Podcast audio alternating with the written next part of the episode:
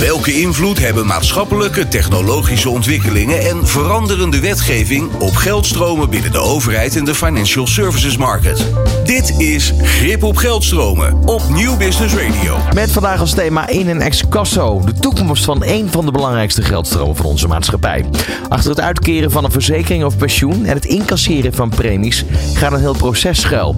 Daarbij heeft niet alleen IT en technologie een grote invloed. Ook de maatschappelijke ontwikkelingen spelen een onmisbare rol en raakt ons daarmee als burger. Denk bijvoorbeeld aan een wetswijziging die wordt doorgevoerd, zoals het ophogen van de pensioenleeftijd. Of heel actueel de oorlog in Oekraïne, die zorgt voor een ongekende hoge inflatie en hoge energie- en brandstofprijzen. Met als gevolg dus dat meer dan 1 miljoen huishoudens in financiële problemen komen. En een snelle rekensom leert dus dat zo'n 15% van die huishoudens wellicht hun rekeningen niet op tijd kunnen betalen. Dat vergt voor organisaties een grote verandering in de service richting klanten wanneer het gaat om betalingsregelingen en dus ook aanpassing in technologie. Ander voorbeeld is de verlaging van BTW op groente en fruit of meest recent op energie. Organisaties moeten dat makkelijk en snel kunnen inregelen in hun ERP-systeem. Kortom, achter de schermen van een in- en ex-casso-proces gaat een hoop schuil. Hoe speel je met uh, die snelle verandering? Hoe speel je daarop in? En wat zijn de uitdagingen? Zijn er grote verschillen tussen verschillende branches? Zijn er overeenkomsten? En de vraag is natuurlijk ook, wat is daarbij de ideale situatie? Met andere woorden, hoe ziet de toekomst eruit? In deze aflevering spreken wij met diverse experts over het proces, de maatschappelijke invloed, de technologische ontwikkelingen en krijg je een kijkje in de keuken van diverse organisaties, waaronder een van de grootste verzekeraars van ons land. In de studio aanwezig Jan-Pieter Koning, partner bij Techstone, Pieter Gijzelhart. ERP SAP-expert betalingsverkeer bij Equipt. En Frank van Gevenstein, finance-expert bij Equipt. Dit is Grip op Geldstromen. Dit is Grip op Geldstromen op Nieuw Business Radio. Met Ron Lemmens. Zo, heren, van harte welkom in de studio. Ik uh, ga eventjes beginnen als eerste bij uh, Frank van Gevenstein. Je bent uh, finance-expert bij Equipt. Dat klopt. Ja, um, en ik kan me voorstellen dat, ja, je hebt het intro een beetje gehoord, dat er inderdaad van alles speelt op dit moment. en er veel vraag is naar verandering. Ja, dat, dat is absoluut waar. Je ziet dat de omgeving heel dynamisch is. En bedrijven die zijn met bandenmacht bezig om hun systemen aan te passen om daar invulling aan te geven. Dan Pieter Gijshart, uh, SAP, ERP, uh, expert uh, bij Equipt ook. Um, ja, ja, klopt, ja, Ook daarbij, het implementeren van deze software is volgens mij een heel proces. Ja, dat klopt. Dat begint eigenlijk al bij de interpretatie van de wetgeving. organisaties vragen zich af hoe moeten wij dat interpreteren en wat heeft dat voor invloed op onze systemen. En je merkt dat die wetgeving steeds sneller begint te veranderen.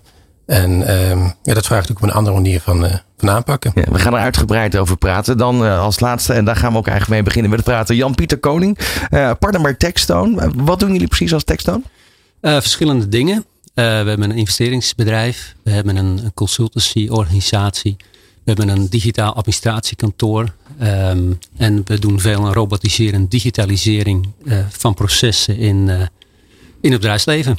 Dus voor uh, organisaties, onder meer credit management, doen we heel veel in. Ja, we, we gaan vandaag verschillende onderwerpen uh, natuurlijk beetpakken. Um, maar, maar even de basis. Hè. Er is een heleboel wat er verandert. Eigenlijk waar je uh, geen invloed op hebt als bedrijf. Wetgeving, nou ja, vragen. We hebben net al even als voorbeeld genoemd de btw-verlaging. Dat soort zaken. Hoe, hoe, hoe snel kan je dit aanpassen? Dat ligt eraan. Hoe... Um, agile of flexibel je organisatie is en hoe flexibel je systemen zijn. Je ziet dat sommige organisaties zich razendsnel kunnen aanpassen. Binnen, binnen 1, 2 weken uh, ligt er een ander beleid en, en zegt men gewoon, we gaan het zo doen. En sommige organisaties die zullen dat helemaal niet doen.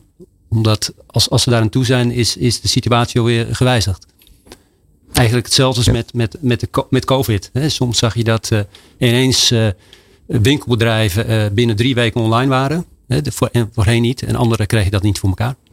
En um, eigenlijk die ontwikkeling, die wetgevingsontwikkeling, is, is dat niet al ooit bedacht in softwarepakketten? Is het een kwestie van een, een, een, ja, een koppeling eh, activeren? Hoe werkt dat? Er is uh, software beschikbaar om dit te doen. Um, maar met name voor grote organisaties uh, vergt het wel wat tijd en, om, om dat ja, voor elkaar te krijgen. Je hebt in feite moderne credit management in software nodig.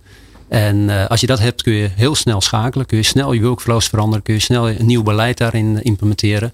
Maar als je dat niet hebt, dan wordt het lastig. Ja, we gaan er zo meteen uitgebreid verder over praten in deze uitzending.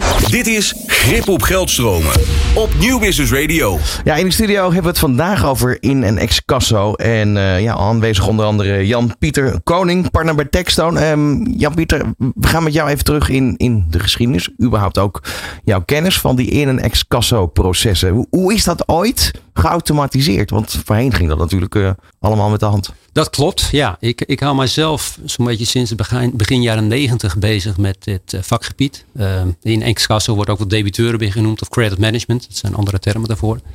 En in die begintijd zag je inderdaad dat heel veel handmatig ging. Dus je draaide een debiteurenlijstje uit je financieel systeem hè, met, met achterstanden. Ja, en dan werden er gewoon handmatig op, op papier brieven uh, aangemaakt. Gewoon volledig handmatig. En af en toe werden ze gebeld. Of niet, hè, als, als het even te druk was. Hè. Dus dat, dat was helemaal niet professioneel. Dat is een beetje overkomen waaien eigenlijk het vakgebied uit uh, de Anglo-Saxische landen in die tijd.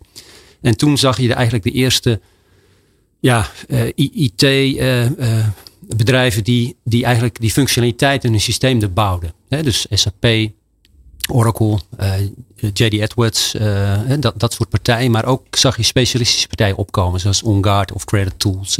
Dat soort partijen. Die dus zeiden van dit kan beter.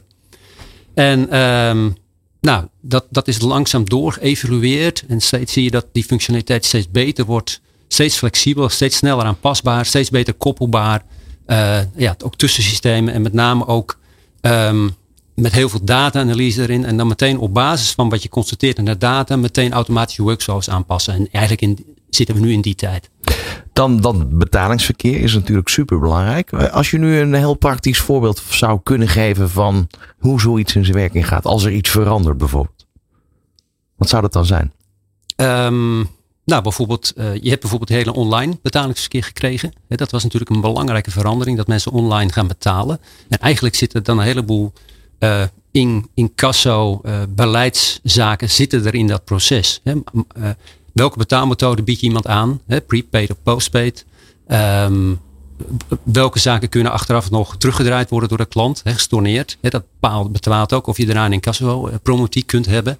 Hè, dus dat zijn dingen die dat heel sterk bepalen. Automatisch incasso, hè, de CEPA, nieuwe CEPA-wetgeving, stelde ook, gaf nieuwe richtlijnen voor de automatische incasso. Nou, wat, dus... wat, wat zijn, voor de leek, wat, wat zijn die, die richtlijnen ongeveer in de basis? Dat zijn Europese richtlijnen, uh, zowel voor bedrijven als voor consumenten. En de consument heeft bijvoorbeeld echt expliciet een aantal rechten gekregen. Dus bijvoorbeeld dat je 56 dagen lang nog je betaling kunt terugdraaien. Van een automatische okay. Ja. En, en ook uh, dat, dat ja. je expliciet toestemming moet geven om automatisch incasso te mogen uitvoeren. En daar let de bank dan ook op. Ja, en dan heb je het over automatisch. Maar op het moment dat automatisch onderbroken wordt, het zij doordat uh, er een stornering is of wat dan ook, dan loopt dat hele proces in de war. Ja, dus uh, je, eigenlijk reken, reken je erop dat die betaling binnenkomt. En die komt er niet binnen. Maar dan is er ook echt wat aan de hand. Dus iemand die bijvoorbeeld los betaalt en te laat betaalt. Dat is, dat is vaak een hele andere situatie als een, iemand die storneert. Hè? Met name vanwege uh, te weinig saldo. Als die persoon dat nooit eerder heeft gehad. Dan moeten meteen alle alarmbellen beginnen te rinkelen. Dus dan moet je daar een aparte, zoals het dan heet, workflow op hebben. En gewoon kijken van misschien moet ik persoon, die persoon wel direct bellen. In plaats van een brief, e-mail of sms sturen.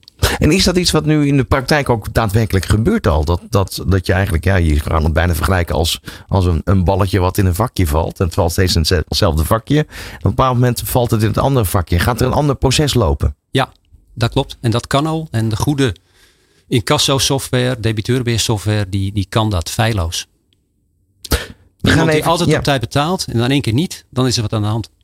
We gaan even naar, uh, naar Pieter Gijzerhart. Um, jij bent uh, ERP, SAP, uh, betalingsverkeer. Dat is jouw expertise binnen Equip. Um, ja, voor jou heel herkenbaar dit systeem natuurlijk. Hoe, hoe dat nu in zijn werk gaat. Ja, nee, volledig. En uh, dat is waar ik dagelijks mee bezig ben in de, in de praktijk. Hoe, hoe kan jij um, hetgene omschrijven wat jij, wat jij ziet gebeuren? Want jij werkt voor, voor grote klanten ook, verzekeraars onder andere. Nou, wat je heel veel ziet is dat uh, wetgeving geïnterpreteerd moet worden. En um, dat we daarmee bezig zijn om die onderdeel te maken van de nieuwe processen. Maar daarnaast zie je ook dat grote verzekeringsmaatschappijen steeds meer klantgericht worden. Dus je ziet ook een tendens dat uh, vanuit het binnenhalen van geld, dat er veel meer wordt gedacht aan het helpen van klanten om te voorkomen dat klanten uh, overstappen of eigenlijk niet meer gedekt zijn vanuit een verzekering. Daar zijn verzekeringsmaatschappijen proactief mee bezig. En dat vraagt ook om een hele andere invulling van, van processen. Um, Frank, jij bent finance expert. Dan komen we in een situatie terecht dat je nu ziet, eigenlijk met de hoge energierekening, dat, dat gezin of huishoudens moeite krijgen met rekeningen te voldoen. Um, dan gaat in één keer dat balletje waar we net over hadden, dat valt in één keer steeds in dat andere vakje. Dan wordt het onrustig. Ja, dat uh, klopt wel. Kijk, wat, uh, wat, je, wat belangrijk is om te weten is dat het proces van debiteurenbeheer uiteindelijk een, een live proces is. Hè, met echte mensen die het werk doen. En het systeem ondersteunt dat. En je ziet in de technologische verandering dat het steeds belangrijker wordt om als dat balletje dan in dat andere vakje komt, dat degene vanuit debiteurenmanagement die ermee aan de slag gaat, kan zien wat de situatie is en snel tot een oordeel kan komen waarin je je klant kan helpen in plaats van automatisch dingen proberen te incasseren en te escaleren. Um, de bedrijven die daar nu veel mee te maken hebben zijn verzekeraars. Welke sectoren uh, ja, komen hier nog meer uh, voor in aanmerking? Zijn dat de energiemaatschappijen? Uh, ja, zeker. Ja. ja. verzekeraars, energiemaatschappijen, zorgverzekeraars, woningcorporaties, kabelbedrijven. Dat zijn natuurlijk vaak ook de grote uitgaven of kostenposten van gezinnen. Dus daar zie je deze problematiek heel erg eh, duidelijk. Nou, nu hebben we het heel kort, eh, kort gehad. Dan gaan we straks natuurlijk verder op in. Maar hebben we het gehad over de incasso-fase. Excasso is natuurlijk weer een ander verhaal. Daar heb je het als bedrijf zelf in de hand. Wanneer je die betaling doet. Maar op het moment dat dat met honderdduizenden tegelijk gaat, is dat natuurlijk ook echt een proces wat je zou moeten automatiseren. Is dat ook iets wat geautomatiseerd gaat? Ja, ja bijna geen enkel bedrijf, eh, met name als het om massale ex-casso gaat, bijvoorbeeld uitkering van verzekeringen, hè, schadeuitkeringen, gaat geautomatiseerd. En um, dan kan ik me wel voorstellen, het gaat over schades. Dat is natuurlijk, zijn allemaal individuele bedragen. Het zijn niet gelijke bedragen. Nee, dat klopt. En wat je wel ziet is dat eh, de keten daarvoor, dus de bepaling van wat uitgekeerd moet worden, dat dat steeds meer geautomatiseerd wordt. Bij, eh, als Techstone hebben we ook een, robotiseringsbedrijf. En een aardige case is dat wij bijvoorbeeld voor een verzekeraar in de Caribbean hebben we het hele proces van um, de schadeformulieren bij een auto-ongeluk. Dat wordt gewoon door een robot gelezen, dat handmatig ingevulde schadeformulier. Die robot interpreteert dat. Als hij het niet kan interpreteren, geeft hij het naar een medewerker. Als hij het wel kan interpreteren, wat een hoog percentage van het geval is, dan zoekt hij dat allemaal uit, kijkt voor wie het is, kijkt uh, wat de situatie was en keert eventueel direct de schade uit. Supersnel. Zeer klantvriendelijk, zeer efficiënt. Nou, dat is bijvoorbeeld een voorbeeld hoe je eigenlijk die hele keten, inclusief het ex proces kunt uh, digitaliseren. Ja, um, nu werk jij werkt voor een, een, grote verzekeraar ook in Nederland. Ja. Waar al deze situaties zich voordoen. Als je nou een case zou moeten benoemen, welke zou dat zijn? Um, nou, wij zijn bezig eigenlijk om uh, het moment van bepaling dat er een schadeuitkering komt bijvoorbeeld. Dat voorbeeld. Um, voorheen zag je dat er vanuit de techniek dat er dan uh, werd er een uitkering aangeboden bij een ex-casso systeem. Dat vanuit de techniek batchgewijs gewerkt werd. Dat er bijvoorbeeld 24 uur werd gewacht om in één keer alle betalingen gezamenlijk richting een bank te kunnen sturen. Dus zo had je altijd een bepaalde doorlooptijd vanaf het moment van bepaling dat er een schadeuitkering komt. Richting tot het moment dat die ex-casso ook is bijgeschreven door de nieuwe technologie kan het allemaal sneller. Dus in plaats van wachten op een dagelijkse badge kunnen we verstaan uh, op elk moment dat wij dat willen een betaling aanbieden bij de bank. Zodat die betaling ook direct zichtbaar is bij de, bij de verzekerde. En daarmee heb je dus een klantvriendelijke proces ingericht. Ja, en dat is natuurlijk wel iets wat eigenlijk de afgelopen jaar, als we helemaal teruggaan en we denken even naar het telebankieren. Hè, uh, als je dan een, een overboeking deed, dan duurde het vaak wel minimaal 24 tot 48 uur voordat het uh, op een andere bankrekening stond. Nu is dat inderdaad Eigenlijk gewoon live, per direct. Ja. Um, maar is, is er vanuit de verzekeraar ook zo naar gekeken van we kunnen het nog klantvriendelijker maken door sneller te handelen? Ja, nee, zeker. Daar wordt zeker ja. naar gekeken. Door zeker. En waar kijken ze nog meer naar? Misschien kan ik wat zeggen. Klantbehoud. Ja. Um, met name in deze tijd natuurlijk relevant. Hè. We schetsten even dat sommige, veel gezinnen nu uh, moeilijk de, eindjes aan elkaar kunnen knopen. Nou, dat geeft dus bij al die bedrijven die we net noemden, uh, woningcorporaties, energiebedrijven, uh, maar ook verzekeraars, geeft dat, ja, geeft dat gewoon druk op, op, op de debiteuren. Je kunt, je kunt natuurlijk de harde lijn volgen. Ja, je moet betalen, anders word je gerooieerd. Dat betekent dat je verzekering beëindigd wordt. Maar je kunt ook denken van ja, misschien is het een tijdelijke situatie. Misschien kan ik mijn klant helpen. Dus bijvoorbeeld bij een levensverzekering zorgen, nou die premie die hoef je nu even niet te betalen die doen we aan het eind van de, van de rit wel over 10 of 20 jaar. En dan kun je nu door. Of bijvoorbeeld die autoverzekering. Dus actief contact zoeken met je, met met je klant. En zeggen, joh, ga nou eventjes tijdelijk uh, van uh, uh, all risk autoverzekering naar BA+. En op deze manier hebben we bijvoorbeeld voor een verzekeraar hebben we 30% van de klanten weten te behouden die anders automatisch geroyeerd zouden worden. Erg veel. Heel erg veel. Groot, eigenlijk win-win voor iedereen. En wanneer zijn die inzichten ontstaan? Is dat geweest na de economische crisis? Want daar was algemeen bekend dat daar werden de incassopraktijken waren best wel hard. Gewoon van nou betalen en uh, anders dan ga je op het schavot. Uh, dat is wel veranderd afgelopen jaar. Ja, zo'n economische crisis heeft er invloed op. Dan beginnen bedrijven ook te kijken van ja, de achterstanden lopen op. Wat, wat gaan we hier nou mee doen? He, dus gaan we daar inderdaad, uh, gaan we dat afboeken? Dat zie je soms ook wel. In één keer afboeken en dan maar. Of uh, doen we er helemaal niks aan? Uh, of, of gaan we daar inderdaad actief iets mee doen? En daar heb je dus weer die flexibele workflows en, en, en ja, snel nieuw beleid voor nodig. En um, ik kan me ook voorstellen dat de parameters aan de hand van waarop je de data verzamelt, dat dat ook verder is uitgebreid. Ja, dat is heel belangrijk. Hè? Men spreekt wel van, van ja, data-driven workflows. Dus je moet heel snel weten van met wat voor type klant, in wat voor situatie heb ik hier eigenlijk te maken. En daarop moet je acteren. Dus um, sommige klanten is, is één sms, een WhatsAppie met, met een ideal link erin, is al voldoende om tot betaling over te laten gaan. Een ander ja, kost gewoon misschien zelfs een, een bezoek op kantoor om de situatie op te lossen. Dus dat moet je heel snel in de gaten hebben om zo snel mogelijk de juiste aanpak te hebben. Want dan komen de mensen ja. minder in problemen, het duurt het minder lang en kun je aan de oplossing werken. Dat heeft dan ook te maken met, um, Pieter, met de ontwerpfase eigenlijk. Van wat ga je aanbieden aan de verzekeraar of de gebruiker in dit geval. Hoe, hoe ga je dat dan implementeren in de organisatie? Want daar moeten natuurlijk de medewerkers uiteindelijk mee leren werken. Het zit vooral in de invullende systemen. Dus die, die kennis waar net over uh, gesproken wordt, die momenten, die komen vaak uit uh, grote rapportages die door nieuwe technieken heel snel gedraaid kunnen worden. En daar komen bepaalde parameters uit en die kunnen per, uh, per klant kunnen die een andere uitkomst geven. Dat je zegt van oké, dat je kunt snel herkennen, oké, voor deze klant zal er een grote kans zijn van zeg 80% dat het sturen van een sms met een betaling dat dat succesvol is. Terwijl die rapportage kunnen ook herkennen dat eenzelfde oplossing uh, voor het aanbieden van een betaling bij een, uh, een andere klant niet succesvol zijn. Dus, dus eigenlijk, want dat is wat we, wat we vaker in programma's gehoord hebben, um, er gaat gewoon gewerkt worden volgens persona's. Er wordt data-driven gewerkt. Ja, dat klopt. Maar, maar je gaat dus eigenlijk persona's ontwikkelen. En aan de hand van persona's weet je wat voor type klant het is. Precies. Zo werkt het. Ja. Wat kan jij dan nog aan toevoegen, Frank?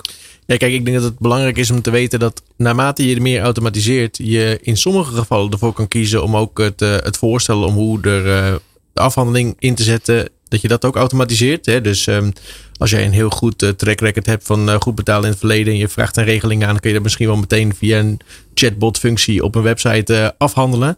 Terwijl als de data laat zien dat jij vaker problemen hebt gehad, dan kan je op basis van die informatie kan je zo'n case sturen naar iemand die echt kan helpen. Gewoon een echt persoon. En, het verschil daarin en wat je dan automatiseert en wat niet.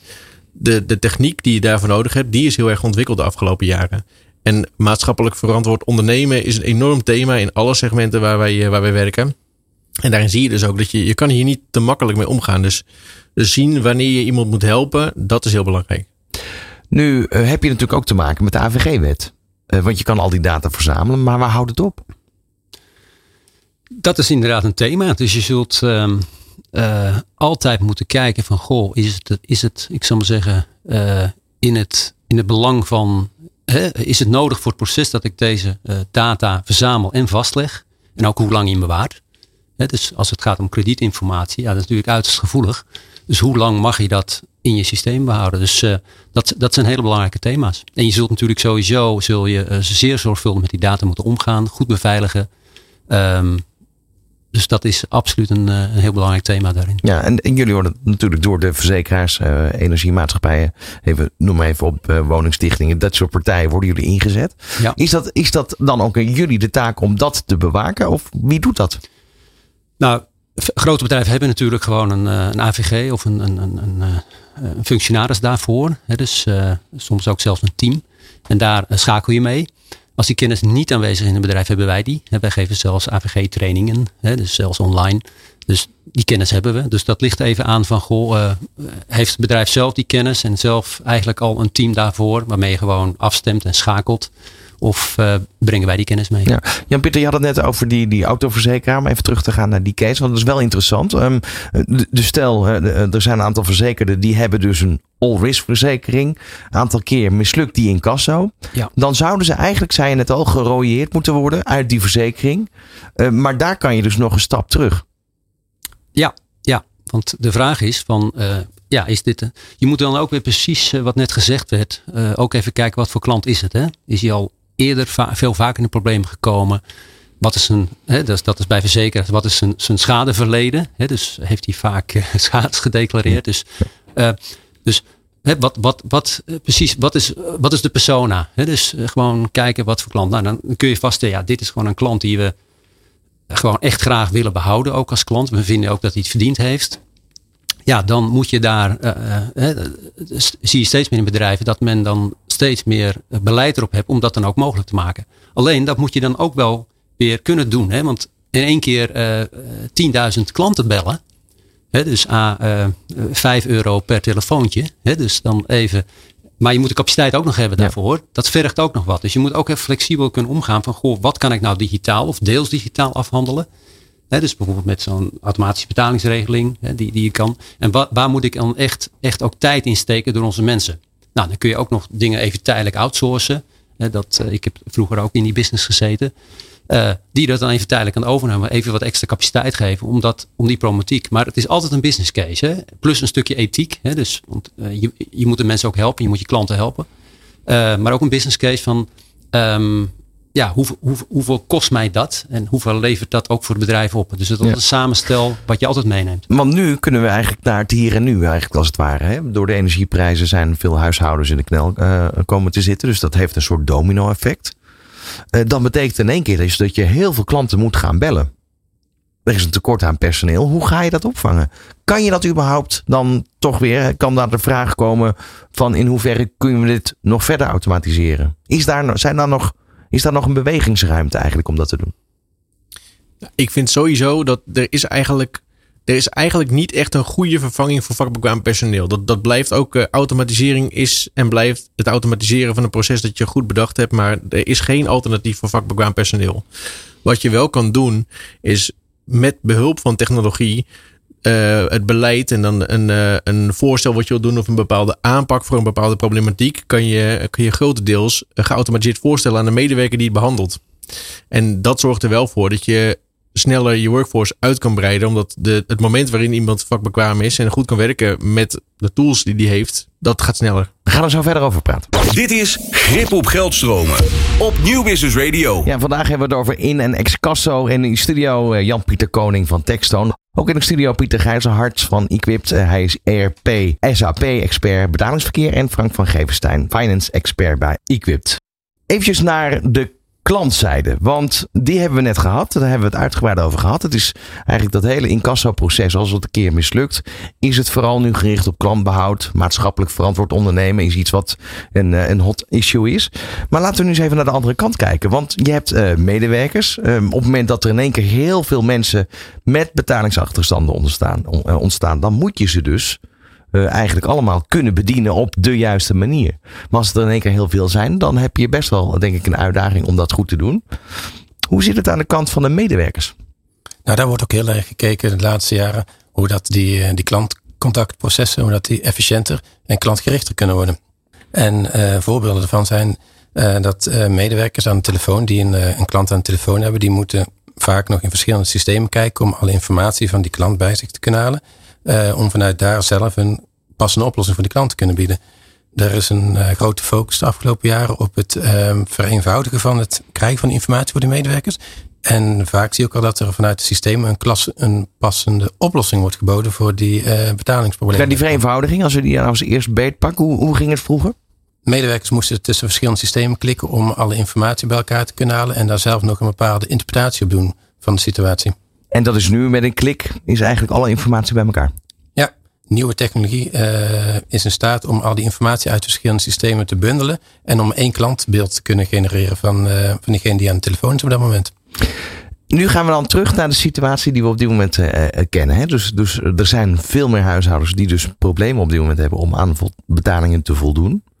Dan betekent dat die informatie één moet voorhanden zijn. Uh, twee, er moet een snelle afhandeling zijn. Maar ik kan me ook voorstellen, we hadden het net al een beetje over van. Ja, je kan niet al die klanten maar bellen, want daar is gewoon de capaciteit vaak niet voor. Klopt, zeker niet op korte termijn. Als de problematiek er is. Dus daar moet je een oplossing voor bedenken. Nou, een deel van de oplossing zit dus in meer door systemen laten doen. Maar zoals net al gezegd werd, ja, dat is, dat is ten dele mogelijk. Ander belangrijk deel van de oplossing is om te kijken van, goh, waar zijn onze medewerkers nu vooral handmatig hun tijd mee kwijt? En kunnen we dat niet wegautomatiseren, zodat ze dus meer tijd hebben voor die persoonlijke benadering naar klanten toe? Dat is een hele, hele erg belangrijke. En dan heb je natuurlijk ook nog dat je tijdelijk even uh, kunt outsourcen naar, naar specialistische bedrijven die dan een deel van het proces of, of kunnen overpakken en later weer teruggeven. Betekent dat dat je eigenlijk ook je, je, je stelregels aanpast. In de zin van uh, voorheen zou je een klant sneller bellen en nu kan het niet meer. Dus de, ja, hoe moet je zeggen, de flexibele, flexibele schil om klanten persoonlijk te benaderen, die ga je wat strakker trekken. En je gaat mensen wat vaker nog in dat automatisch proces laten zitten. Ja, als dat kan, zeker. En dat heeft ook weer te maken met hè, wat het voorbeeld net gegeven wordt. Als je ziet dat iemand gewoon goed reageert op het, op het sturen van een sms met een metaallink erin. Nou, prima. Hè, dan is dat geregeld. Dan hoef je daar verder geen persoonlijk contact voor te hebben. Die klanten vinden dat ook heel fijn trouwens. Hè? Dus doen ze even snel op een mobiele telefoon in, in de metro. Klaar, hup, betaling gedaan. Dat kun je zelfs ook zo zien. Je stuurt hem uit en binnen 30 seconden is dat ding betaald. Andere klanten ja, hebben dus, eh, daar werkt het niet bij. En daar zul je dus gewoon een ander eh, middel moeten inzetten. Ja, heb je hem um, ook nog wel uh, in de zin van, voorheen ging alles nog per post. Het, van post naar digitaal overgaan. Zijn daar nog mogelijkheden dat je uiteindelijk besluit om dan toch maar weer post te gaan sturen? Uiteindelijk kan dat zo zijn. Je ziet natuurlijk dat uh, iedere organisatie uh, van, van post naar digitaal gaat. Hè. Post uh, kost meer, duurt langer hè, voordat het op de mat zit. het duurt ook langer voordat erop gereageerd wordt. Dus dat heeft zijn nadelen. Ja, sommige, maar je ziet nog wel steeds dat een, een klein percentage van de bevolking ja, niet reageert op de digitale middelen. En die zul je dus per post of zelfs per bezoeken, dat heb je ook, dat je gewoon echt langs gaat. Dat is een duur middel. Maar ja, als je een vordering hebt van, van een paar duizend euro op iemand, hè, bijvoorbeeld uh, een woningcorporatie of een energiebedrijf, en uh, er wordt niet op gereageerd. Nou, een huisbezoek kost, het varieert een beetje tussen de 30 en de 80 euro. En uh, het resultaat is 50 procent. Dus dat kun je gewoon meten. Ja, dan loont het. En het is bovendien super klantvriendelijk om langs te gaan. Of iemand op kantoor uit te nodigen. Uh, Pieter, wat zijn er nog meer aanpassingen die, die jij gezien hebt bijvoorbeeld bij de partij waar jij op dit moment werkzaam bent? Nou, dat is misschien wel een, een vervolg daarop. Um, Zo'n klantbezoek is duur. En uh, die kosten komen ook vaak nog voor de klant zelf. Dus er wordt ook heel erg gekeken om te uh, voorkomen dat we in die situatie komen. Eigenlijk dat er een incassobureau ingeschakeld moet worden. Uh, je ziet eigenlijk dat processen binnen verzekeringsmaatschappijen steeds meer opgericht zijn om die problematische schulden, om die te voorkomen. En op het moment dat er problematische schulden zijn, komen er ook vaak kosten bij van een incassobureau, waardoor eigenlijk de kosten nog hoger worden. En je merkt dat uh, daar wil men afstand van nemen eigenlijk. Dat is, in de laatste tijd is dat steeds meer een uiterste geval. En dat probeert men te voorkomen. Ik kan me ook voorstellen, ik bedoel, dat hebben we gezien in de coronatijd. Iedereen is gaan thuiswerken. Dat je met beeldbellen, toch net weer even iets persoonlijker dan telefonisch. Dat dat ook een, een van de mogelijkheden kan worden. Is, zijn jullie daar al mee bezig? Ja, maar het wordt nog eigenlijk opvallend weinig toegepast. Want dat is, dat is eigenlijk een beetje een, een, een combinatie tussen bellen en, en een bezoek. En het kan zeer effectief zijn. Maar het wordt eigenlijk nog heel weinig toegepast. Te weinig naar mijn idee. Ik stel het bijna bij iedere klant voor, hè, die, die in feite zijn systeem aan het herinrichten is. En opvallend weinig zegt men, laten we dat maar doen. Frank, wat, wat jij bent vooral bezig met dat betalingsverkeer uh, op orde te krijgen. Uh, hoe kijken jullie daarna? Over beeldbellen bedoel je? Bijvoorbeeld. Of, of andere manieren om te kijken hoe je dat nog weer beter kan krijgen. Ja, ik ben het wat dat gaat helemaal eens met wat er al uh, gezegd wordt. Je ziet, je ziet uh, ik zei het net al, uh, de juiste mensen hebben is belangrijk. En om de juiste mensen met de juiste dingen bezig te laten zijn, moet je eigenlijk alles wat je heel makkelijk kan afhandelen, zoveel mogelijk geautomatiseerd afhandelen. Zodat je ruimte krijgt om, om de intelligentie van echte mensen toe te passen op die gevallen die uitzonderlijk zijn. En meer aandacht verdienen. Dat beeldbellen, dat is een hartstikke goed idee. Gebeurt in, in debiteurenmanagement eigenlijk heel weinig. Veel meer aan de commerciële kant. Hè, dat je bank bijvoorbeeld even met je wil bellen over je hypotheek en of je wat kan veranderen. Dat zie je wel veel. Maar aan die achterkant uh, is dat eigenlijk nog wel een, uh, een stukje laaghangend fruit. Want dat gaat ook weer eigenlijk ja, in de positieve zin voor het klantbehoud. Absoluut. Je, je, absoluut. creëert weer relaties ja. die er nu zijn. Is, ja, is en ook klanttevredenheid. Ja, hè? precies. Want als je iemand dus ziet en je ziet ook die interactie en je ziet een persoon, ja, dat is, dat is zoveel beter. Is dat, is dat ook iets wat, wat je hè, voorheen werd, uh, steeds meer werd geautomatiseerd ook? Nu is het weer op het moment dat je overgaat tot zoiets, is wel waarschijnlijk weer een hele kleine groep. Maar ik kan me wel voorstellen dat, dat je topklant die op die manier ook zou kunnen behouden. Ja, absoluut. Het is, het is persoonlijker. En uh, ja, ik denk dat het, uh, dat, dat het jammer is dat het nog zo weinig wordt toegepast. Want het is zeer effectief. Ja, waar je er nog meer tegenaan op dit moment? Wat, wat, wat zijn uitdagingen die je een aantal jaren geleden niet zag aankomen? Kijk, ik denk dat in het bijzonder in de tijd waar we nu in leven, het is best een bijzondere tijd waar we in leven. En er zijn een heleboel factoren die, uh, waar, waar ook de bedrijven die, die werken met hun achterstanden maar weinig invloed op hebben. Maatschappelijk verantwoord ondernemen is ook een enorm thema nu.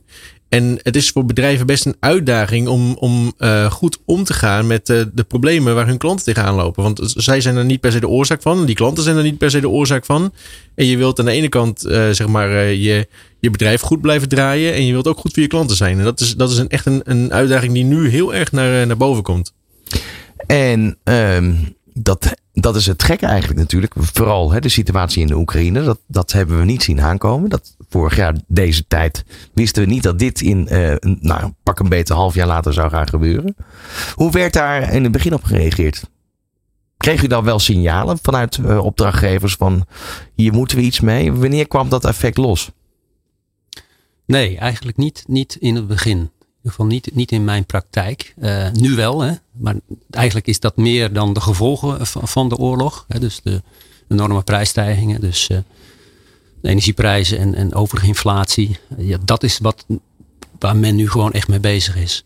En het is ook zo dat, we hebben het nu over veel over, um, over consumenten. Maar er zijn ook verschillende bedrijven die hier in problemen komen. Bijvoorbeeld bedrijven die veel energie verbruiken. Nou, ik, ik was in het weekend bij een, een, een, een landbouwbedrijf die heel veel tulpen produceert. Die hebben gewoon, een hele winst gaat nu op aan, aan de verhoogde energieprijzen. Die kunnen daar niets aan doen, want ze hebben kassen. Ja, ik ken ook het voorbeeld van de slager die voorheen gezond was, nu zijn winkel sluit. Omdat uh, ook zijn energiekosten met drievoudig. Ja, ja, en ook die slager die heeft ook verzekeringspremies. Hè? Dus ja. dat zijn ook gewoon klanten van verzekeraars. Dus ook in de, de B2B, zoals we dat noemen, dus in de, in de zakelijke klanten, zien we uh, bepaalde sectoren uh, in grote problemen. En daar zul je dus ook weer rekening moeten houden. Dat is dus ook weer die segmenten, welke sectoren, dus binnen jouw klantenkring, heeft hier nu extra last van? En hoe gaan we daarmee om?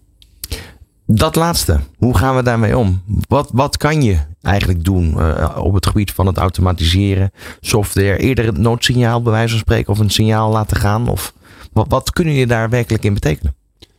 Ja, het begint natuurlijk bij vast te stellen van, goh, wat zie ik in mijn portefeuille? Hè, welke klanten bedien ik en, en welke sectoren staan dus onder zware druk? Nou, dan moet je dat, die data analyseren. Hoe groot is dat probleem dan? Uh, waar ontstaan er achterstanden? Dan moet er beleid gemaakt worden. Dat doe je denk ik ja, toch echt op managementniveau, op directieniveau zelfs. Want het kan behoorlijk ingrijpend zijn. Kan ook behoorlijk wat middelen vergen. Aan inzet, maar ook bijvoorbeeld aan, aan kwijtschelden van, van bepaalde uh, zaken of, of nou, noem het maar op, uh, langere krediettermijnen. Ja, en vervolgens zul je dat beleid zul je dus moeten effectueren. Hè? Dat betekent met, met je mens en met je systemen. Nu heb je, um, nu noem je eigenlijk twee verschillende dingen als het ware. Je, je hebt het ene het beleid van de directie. Is het dan ook zo dat je in een vroeg stadium als expert op het gebied van deze software uh, aanschuift?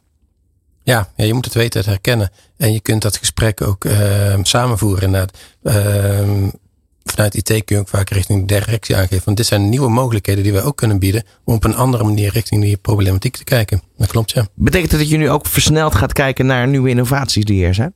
Ja, zeker. Daar wordt, uh, daar wordt zeker naar gekeken. Het is ook moment. Wij herkennen natuurlijk wel dat er betalingsproblemen aan zitten te komen. Dus er wordt nu ook al gekeken van. Wat zijn onze processen nu en hoe werken die processen over, bij wijze van spreken, zes maanden? Op het moment dat wij herkennen dat die portefeuille waar die processen voor draaien, dat die in betalingsproblemen gaan komen. Die, die vragen halen we naar voren. En welke technieken worden op dit moment dus versneld geïmplementeerd? Weet jullie daar iets van toevallig? Um, ja, met name dus flexibiliteit in je, in je aanmaanprocessen. Dus eigenlijk dat je beleidszaken, dus nieuwe eh, manieren om, om met je klant om te gaan, in je systemen zet. Uh, geautomatiseerd ook. Dus dat uh, bijvoorbeeld ook in, in de COVID-periode was het eigenlijk ook niet anders. Hè? Toen waren er ook bepaalde branches, zoals bijvoorbeeld de horeca, die het heel slecht hadden. Dat betekent gewoon, als jij de horeca bedient als, als organisatie. Ik werkte bijvoorbeeld toen voor een groot pensioenfonds ook. Ja, die dan meteen zegt, oké, we, rekken de krediettermijnen op. We gaan het juridische direct later opstarten. We geven de mensen eh, betalingsregelingen. Nou, dat moet je allemaal in je vervolgens snel in je systemen kunnen verwerken. En hoe zit het dan eigenlijk? Want uiteindelijk, eh, je kan met betalingsregelingen komen, maar het gaat natuurlijk ook ten koste eigenlijk van de buffer die een, een, een dienstverlener normaal gesproken heeft. Die wordt aangetast.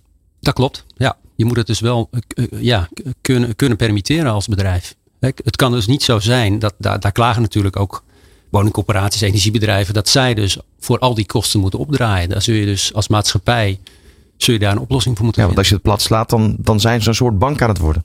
Ja, ja. Anderzijds verdienen ze natuurlijk ook veel. Hè? Of, of in ieder geval op bepaalde. Hè? Dus uh, die prijzen zijn hoog en soms zijn hun inkoopkosten misschien wel laag. Ik sprak laatst met iemand die in zonne, die zonneparken heeft. Die zegt, het kost 4 cent om dat op te wekken per kilowattuur. En ik krijg er nu 58 cent voor. Tenminste, hij niet zelf, nou, maar in ieder mhm. geval de consument betaalt er 58 cent voor. Ja, daar zit heel veel tussen. Dus er, en, en daar is de overheid natuurlijk ook wel aan het kijken. Van goh, hè, wie, wie, wie verdienen er hier nu aan? Wie spint de garen bij? Ja, en, precies, en, kunnen we daar misschien eh, afspraken mee maken? Ja. Zijn er ook nog overeenkomsten tussen die bepaalde sectoren? Waarvan je denkt van nou, daar kunnen ze van elkaar nog leren? Ja, ja. Dat zie je eigenlijk heel weinig. Uh, dat is ook de rol, denk ik, van, van ons als externe. Dat je in verschillende uh, bedrijfstakken komt. En uh, ja, dat je de ene bedrijfstak uh, zegt van joh, die doen dat zo en zo. En dat kan bij jullie eigenlijk ook wel. Dat, dat zie je eigenlijk continu. En dat is eigenlijk een van de, de grootste. Kan je, zou je daar een voorbeeld van kunnen noemen, wat dat precies is? Um, ja, bijvoorbeeld. Um, nou, ik noemde ze net al: de energiemaatschappijen, de, de woningcorporaties, de kabelaars de, eh, de, de grote verzekeraars, dat zijn, ja, die hebben allemaal massale consumenten. En ze hebben allemaal eigenlijk een bepaalde manier waarop ze daarmee omgaan. Dat komt ook door de systemen, hè, die, die, die ze bijna allemaal hetzelfde gebruiken. Daar zitten bepaalde zaken die wel kunnen, niet kunnen. En dan kun je dus heel vaak van de ene branche zeggen van joh, die gaan daar zo mee om. Waarom doe jij dat niet? En, kan je daar nog een, toch wel een onderscheid maken in de zin van primair en secundair? Dus primair is hè, die woningstichting, je moet wonen. Je moet uh, stroom, gas, water, licht hebben. Als je geen verzekering hebt, nou dan kan je ook wel een paar maanden zonder. Ja, ja, sommige verzekeringen zijn verplicht natuurlijk. De, de, de WA en, en de, ook voor een auto, maar ook die WA-verzekering. Maar sommige ja, kun, je, kun je zonder. Alleen dat heeft natuurlijk wel veel impact. Op, eh, je bent het land kwijt als, als verzekeraar, maar je bent ook niet verzekerd. Of je verliest uh, ja, je, je oude dagszekerheid uh, als, als consument. Maar dat, dat klopt wel. Ja. Maar kan me voorstellen er zijn wel verschillen tussen branches. Ik kan me voorstellen dat een, een woningstichting of een energieleverancier wellicht nog iets langer wacht op dit moment met overgaan tot uiteindelijk ja, afsluiting ook, uh, of Er zijn ook wettelijk uh, regels voor. Hè? Dus je mag niet zomaar iemand afsluiten. Je mag niet zomaar iemand uit zijn woning zetten. Terecht ook natuurlijk. En die regels, dat hoor je nu ook in de media, die worden, die worden nu ook weer tegen het licht gehouden. Van goh, is dat in deze tijd, moeten we dat niet nog even wat strenger maken?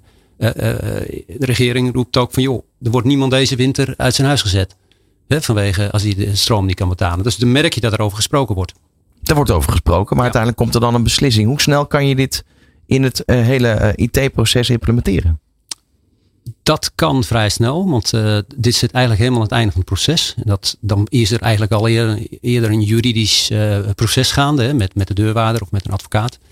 Dus, uh, dus dat kan vrij snel en vrij makkelijk. Zometeen gaan we het over de toekomst hebben en natuurlijk ook de tips die jullie hebben voor uh, iedere luisteraar. Dit is Grip op Geldstromen op Nieuw Business Radio. Ja, vandaag hebben we het over in- en ex-kasso's en in hoeverre je zaken kan uh, automatiseren, wel of niet. En zeker als, als het gaat om bijvoorbeeld mislukte incasso's, waar we het net over gehad hebben. Je hebt een aantal scenario's uh, waar je naartoe kan. Um, ik ga even met jou verder, uh, Pieter. Want um, wanneer beslis je uh, dat je zegt van nou, daar kan nu een aantal keer de premie bijvoorbeeld van een verzekering niet geïnd worden. Wanneer beslis je om uiteindelijk te gaan royeren? En wat zijn dan de gevolgen? Ja, dat is een hele moeilijke vraag. En vanuit de techniek kan die vraag niet beantwoord worden. Dat is echt vaak een vraag die vanuit, de, vanuit de operatie beantwoord moet worden. Uh, wat je daar sowieso bij ziet is dat er naar, uh, je hebt verschillende producten, ook binnen verzekeringsmaatschappijen al. Dus een, uh, een eenvoudige fietsverzekering kun je als een verzekeringsmaatschappij al vrij snel zeggen, wij stoppen met die, met die verzekering. Terwijl een, een zorgverzekering, daar ben je verplicht om die te hebben. En die kun je vanuit een verzekeringsmaatschappij, kun je die niet beëindigen. Je kunt hem overdragen naar een andere instantie. Dus dat verschilt heel erg per product. En uiteindelijk is het op die vraag is is het de vraag, sorry, het antwoord daarop is, uh, is mensenwerk. Ja, en, en, dat is een cruciale vraag. Want uh, op het moment dat dus iemand blijkbaar in betalingsproblemen komt. Uh, en je gaat daar een andere dienstverlener aan het werk zetten. betekent dat de kosten toenemen vaak voor de, de verzekerde, als het ware. Um, en dan? En dan verder. Want dan heb je natuurlijk ook weer overheidsregels waar je rekening mee moet houden. Bescherming van, van zo'n verzekering. of van, van zo'n zo'n particulier. Hoe dan verder? Ja, daar, uh, wat je ook merkt, is dat, uh, dat als iemand betalingsproblemen heeft bij bewijs een verzekeringsmaatschappij, dan is dit niet de enige organisatie waar die uh, betalingsproblemen heeft. Dan zal die in veel gevallen ook problemen hebben met, met de huur en met, met de energierekening. En wat wel een trend is, is dat er wordt gekeken vanuit al die schuldeisers samen om één oplossing voor die, voor die klant te kunnen krijgen. En ehm, daar wordt op dit moment hard aan gewerkt en daar zullen de komende jaren nog veel stappen in gemaakt gaan worden. En dan, dan kan je dus eigenlijk al die branches, sectoren ook aan elkaar koppelen uh, om de informatie met elkaar te delen. Om dan uiteindelijk tot het juiste advies te komen. Ja, nieuwe technieken staan daartoe. Klopt. Je hebt daar ook nu een uh, initiatief voor, het uh, schuldenknooppunt. Waar eigenlijk die, die grote schuldeisers, noemen ze maar even zo. Zoals energiebedrijven, de verzekeraars, de woningcorporaties aan deelnemen. Maar ook de, de, de overheden die daar dus, uh, ik zal maar zeggen, regelingen voor hebben. Dus schuldhulpregelingen en schuldhulpinstanties in aanbieden. En het is heel belangrijk dat die samenwerken daarin. Ja, waarom, waarom duurt het eigenlijk zo lang voordat zo'n instantie in het leven geroepen wordt. Want we hebben, we hebben het net eigenlijk in het begin van de uitzending al gehad over uh, de, de economische crisis. Daar is heel veel lessen zijn daar uitgetrokken. Langzaam maar zeker is ook de, de blik veranderd van hoe moet je omgaan met het incasseren. Moet dat maatschappelijk verantwoordelijk of moet dat met de harde hand?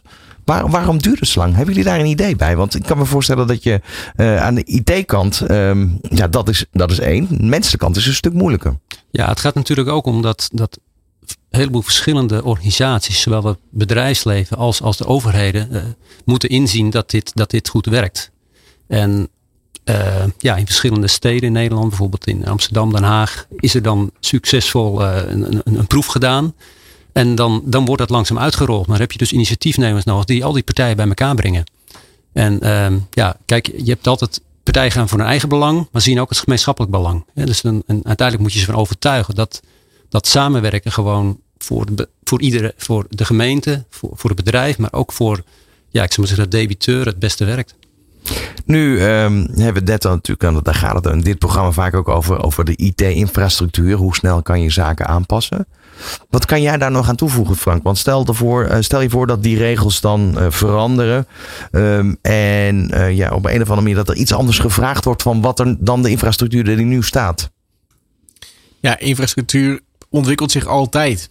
En de vraag is dat uh, als iets is veranderd en je, je, je moet iets doen als organisatie of je wil ergens aan meedoen, uh, is jouw huidige ICT-oplossing en infrastructuur geschikt om dat te doen? Uh, zo ja, kan je dat natuurlijk doen. Zo nee, kan je aanpassingen doen om dan mogelijk te maken. Hoe lang duurt dat dan? Of kan je misschien een stuk dienstverlening zelfs uitbesteden om zo toch snel te kunnen schakelen? Maar daar is gewoon niet een eenduidig antwoord op. Nee, want ik kan me ook voorstellen als verzekeraar, hè, je int premies. Uh, maar op het moment dat je ze niet kan innen, tot, tot waar kan je gaan? Waar ligt de grens? Wanneer zit je, kom je zelf in de knel als verzekeraar? Dat is natuurlijk wel een hele belangrijke. Is, is dat te digitaliseren? Is dat eh, op een of andere manier weer te geven in, in grafieken? Hoe werkt dat? Ja, dat, dat, is, dat is het sterke punt van, uh, van de ontwikkeling die ICT nu doormaakt. Is dat het steeds beter mogelijk wordt om inzicht te halen uit cijfers door de hele organisatie heen. En dat je dat ook kan plotten op uh, potentiële ideeën of toekomstige ideeën. Dus stel je voor, je bent een verzekeraar en je, je speelt nu met het idee om mensen die in de geldproblemen komen, bijvoorbeeld toe te staan om tijdelijk hun eh, dekking af te bouwen of een premiepauze in te lassen of, of nou, noem maar wat, hè, dat, dat soort oplossingen. Dan kan je dus met, uh, met uh, voorspellende data, kan je het, het, totale effect daarvan op je organisatie, kan je gewoon uh, inzichtelijk maken. Dat is een van de dingen die, die ICT juist heel goed mogelijk maakt. Ook bij energiemaatschappij, want dat is natuurlijk nu op dit moment een hond issue. Ja, dan werkt het eigenlijk precies hetzelfde. En ja, je weet natuurlijk niet hoe, hoe ernstig het op dit moment is. Uh, is de overheid op tijd met al die maatregelen langzaam maar zeker invoeren? Zijn we, zijn we nog op tijd? Moeten, of moeten we ons druk en zorgen gaan maken? Ja, ja ik, ik lees natuurlijk ook de media. Sommige mensen vinden dat de overheid niet op tijd is.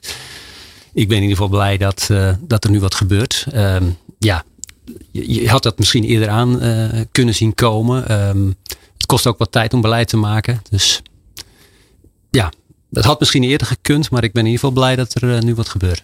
Wat zijn op dit moment ontwikkelingen waar jullie hè, persoonlijk, uh, gewoon als, als vak, uh, vak ja, liefhebber naar kijken? Wat, wat volg jij bijvoorbeeld, Jan-Piet?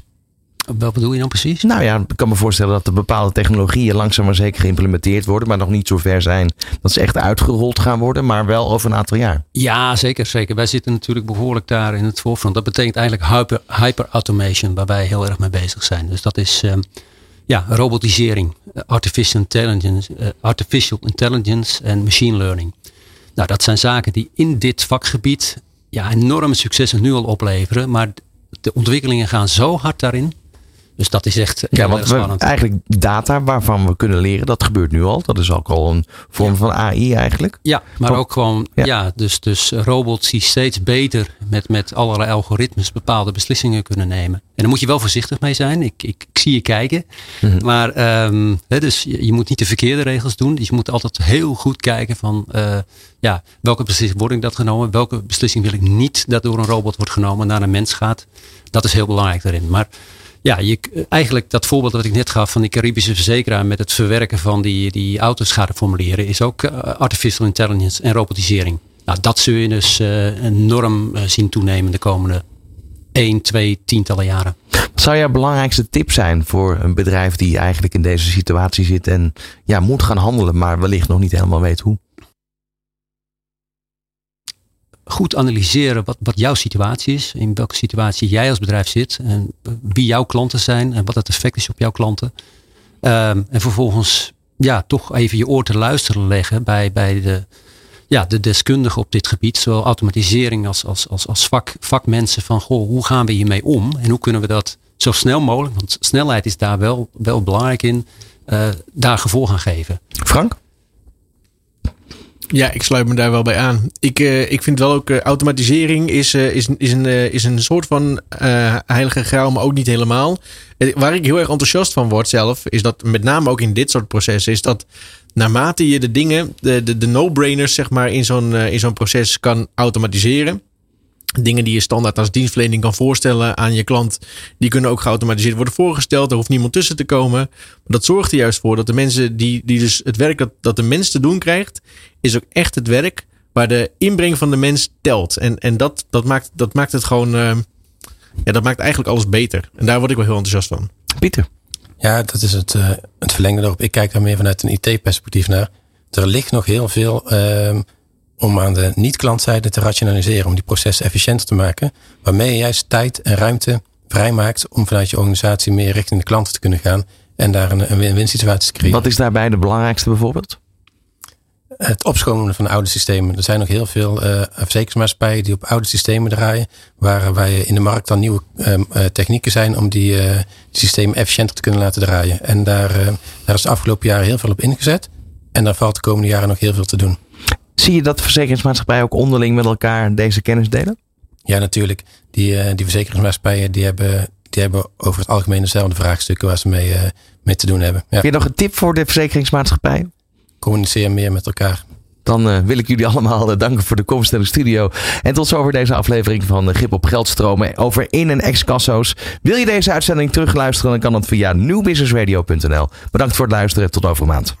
Dit is Grip op Geldstromen op Nieuw Business Radio met Ron Lemmens.